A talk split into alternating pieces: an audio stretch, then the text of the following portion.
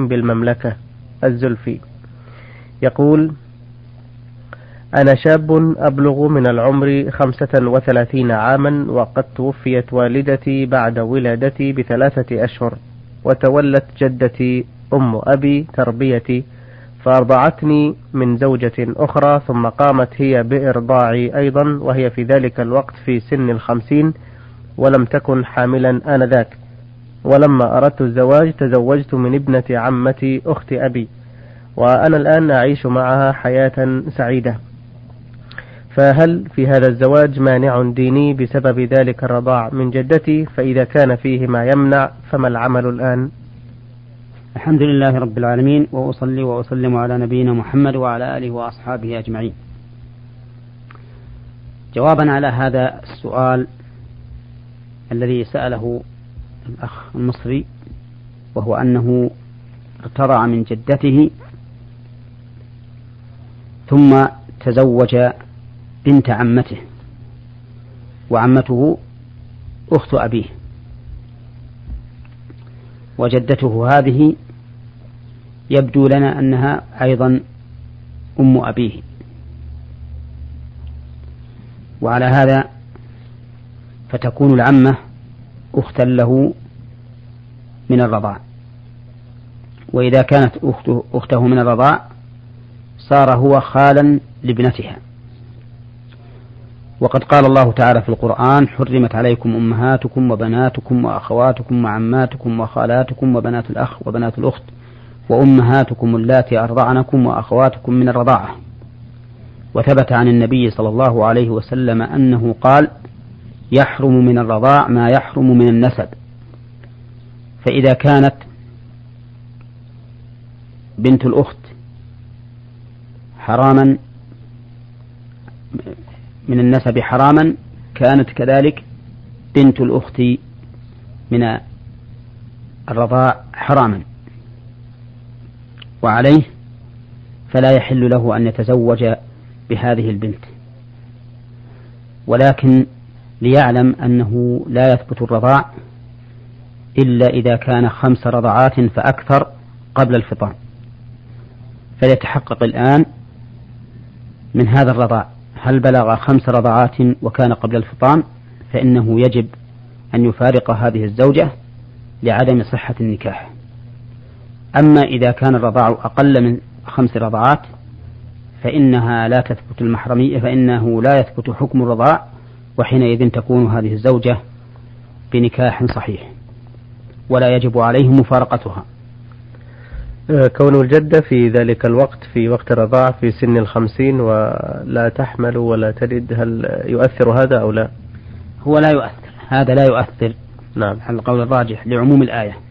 أمهاتكم اللاتي أرضعنكم. نعم. ما دام وجد اللبن فيها نعم. نعم. فمتى اجتمع اللبن من امرأة سواء كانت كبيرة أم صغيرة فإنه يثبت به حكم الرضاع. نعم جزاكم الله خيرا.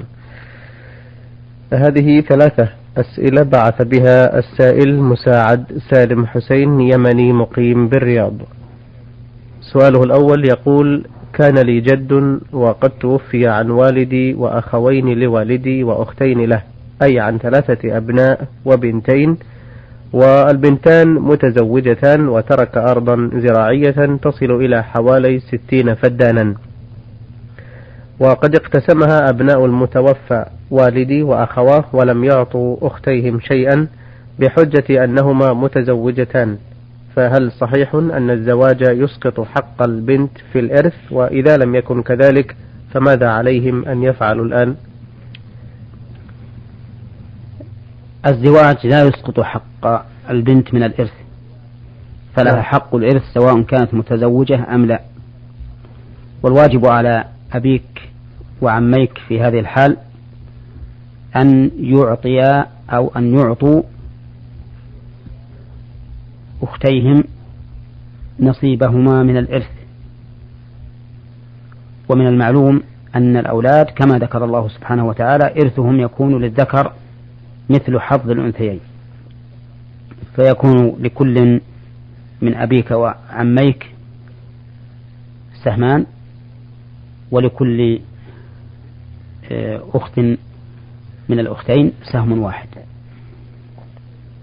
نعم.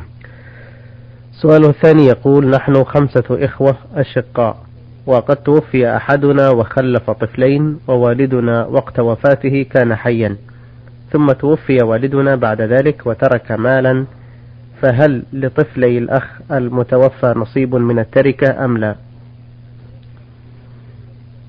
هذه المسألة يكون والدكم قد مات عنكم أنتم الأربعة وعن أبناء ابنه الخامس. نعم. وأبناء الابن لا يرثون مع ذكر من الفروع أعلى منهم أي أن أبناء الابن لا يرثون مع أعمامهم شيئا. وعلى هذا فيكون ميراث والدكم لكم فقط دون أولاد ابنه المتوفى. نعم. نعم. سؤاله الأخير يقول توفي شخص عن والده ووالدته وابنتين وترك مالا فهل يرث والده ووالدته؟ وكيف نقسم تركته بين الورثة؟ إذا مات مات ميت عن أمه وأبيه وبناته فإن الكل يرث. نعم. ويكون التقسيم كالآتي للبنات الثلثان وللأم السدس وللأب السدس. نعم. يعني إلى كم ينقسم المال؟ من ستة أسهم. نعم. يكون للبن... للبنات أربعة أسهم وللأم سهم وللأب سهم. لو فرضنا أن الزوجة موجودة هو لم يوضح هذا في رسالته لكن ربما كان سهوا. إذا فرضنا أن الزوجة موجودة فإنه تقسم المسألة من سبعة وعشرين سهما. نعم. يكون للبنات ستة عشر سهما. وللأم أربعة أسهم. وللأب أربعة أسهم. وللزوجة ثلاثة أسهم. نعم. لها الثمن الزوجة. لها الثمن عائلا. كل من هؤلاء الورثة نصيبهم عائل. نعم. لأن الفروض زادت على المسألة. وإذا زادت على المسألة أصل من 24 المسألة في الأصل. نعم. وإذا زادت على المسألة فإنه تعول. نعم, نعم. بارك الله فيكم. آه هذا سؤال من السائل سيد أحمد حسن مصري مقيم بالمملكة. يقول أنا أعمل مع أحد رجال الأعمال وقد فرض علي إما أن أدفع له كل شهر من معاشي مبلغا معينا لأنه أحضرني بعقد عمل من بلدي وإما أن أدفع له قيمة العقد كاملة ما يعادل ثمانية آلاف ريال وأكون حرا في العمل في أي موقع أختاره. وأنا لا أملك هذا المبلغ الضخم وسوف أفوض أمري إلى الله وأدفع له كل شهر المبلغ الذي طلبه مني وإلا فسيقوم بإرجاعي إلى بلدي مرة أخرى. فهل يحل له أخذ هذا المال الذي هو من كسبي وعرق جبيني؟ هذه المشكلة التي صارت لهذا العامل هي مشكلة موجودة في كثير من أمثاله. نعم. وذلك أن بعض الناس يجلبون العمال قد يكون على وجه مزور لدى الحكومة ثم يفرضون على هؤلاء العمال شيئا مقدرا يأخذونه منهم كل شهر أو شيئا معينا مشاعا مما يعملونه كعشرين في المئة وما أشبهها وهذه العملية عملية محرمة لأنها مخالفة لما حصل الاتفاق عليه بين هذا العامل الجالب وبين الحكومة. فالحكومة وفقها الله لها نظام في هذا في هذا الأمر نظام معين يجب على الجالب لهؤلاء العمال أن يتمشى عليه. نعم. لا يقول مثلا إنه إذا كان الأمر جائزا في الشرع فإنه يجوز لي أن أفعله لأننا نقول إن الشرع أمر بالوفاء بالعقود.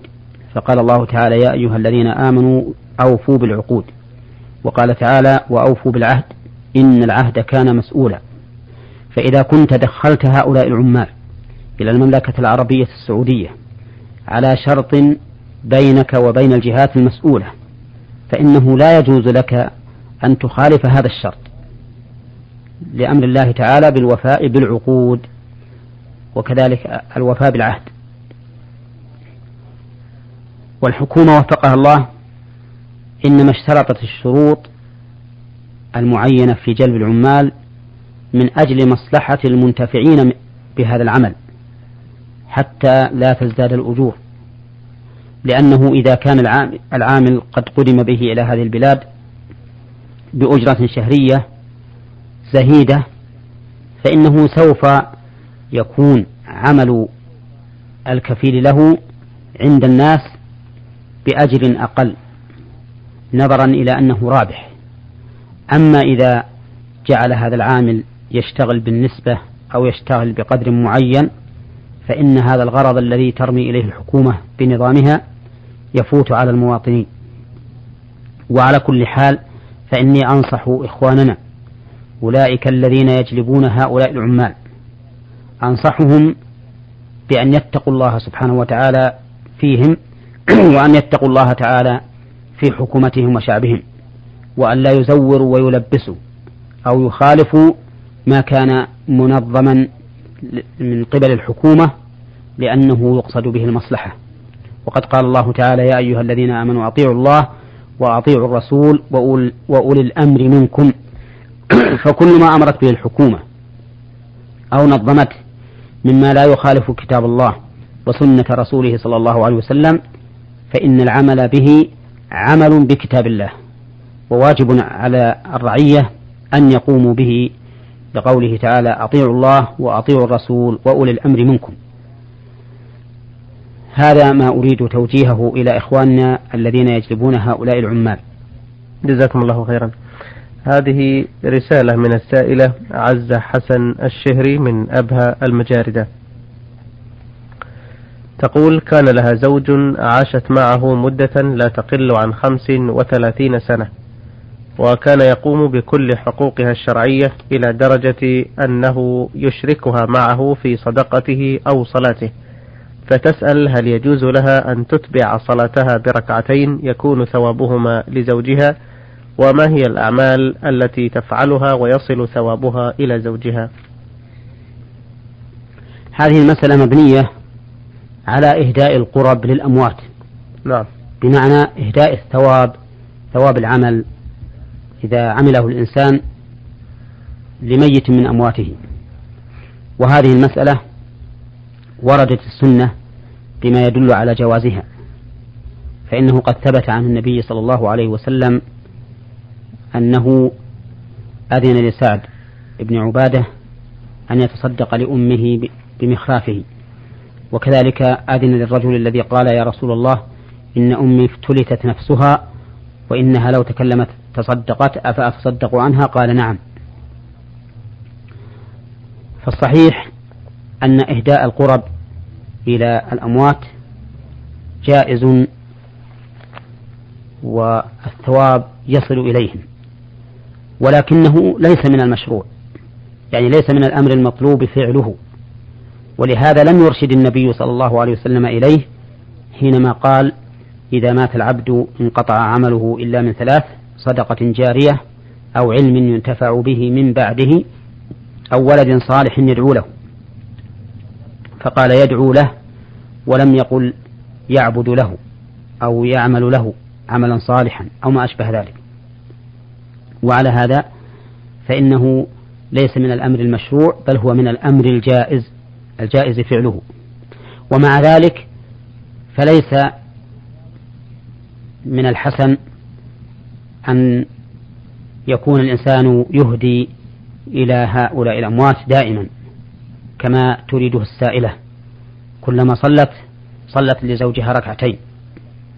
فإن هذا العمل لم يكن معروفا عند السلف وإنما كانوا يفعلونه ليس على سبيل الاستمرار والدوام والسنة الراتبة. فإذا قال قائل كيف تقولون إنه ليس بمشروع؟ مع أنه فعل بإذن الرسول صلى الله عليه وسلم قلنا نعم. فإن الشيء قد يكون جائزا غير مشروع ولو فعل في عهد الرسول صلى الله عليه وسلم. فهذا الرجل الذي بعثه النبي عليه الصلاة والسلام في سرية فكان يقرأ لأصحابه فيختم بقول هو الله أحد كلما صلى. فأخبروا النبي صلى الله عليه وسلم بذلك فقال سلوه لأي شيء يصنعه أو يصنع ذلك. فقال الرجل إنها صفة الرحمن وأنا أحب أن أقرأها فقال النبي صلى الله عليه وسلم أخبروه أن الله يحبه. فأقره النبي صلى الله عليه وسلم على هذا العمل ومع ذلك فإنه لم يشرع, لم يشرع لأمته أن يفعلوا كفعله. وهو صلى الله عليه وسلم أيضا لم يكن يفعل كفعل هذا الرجل. نعم. بارك الله فيكم مستمعينا الكرام في نهاية لقائنا هذا نشكر الشيخ محمد بن صالح العتيمي.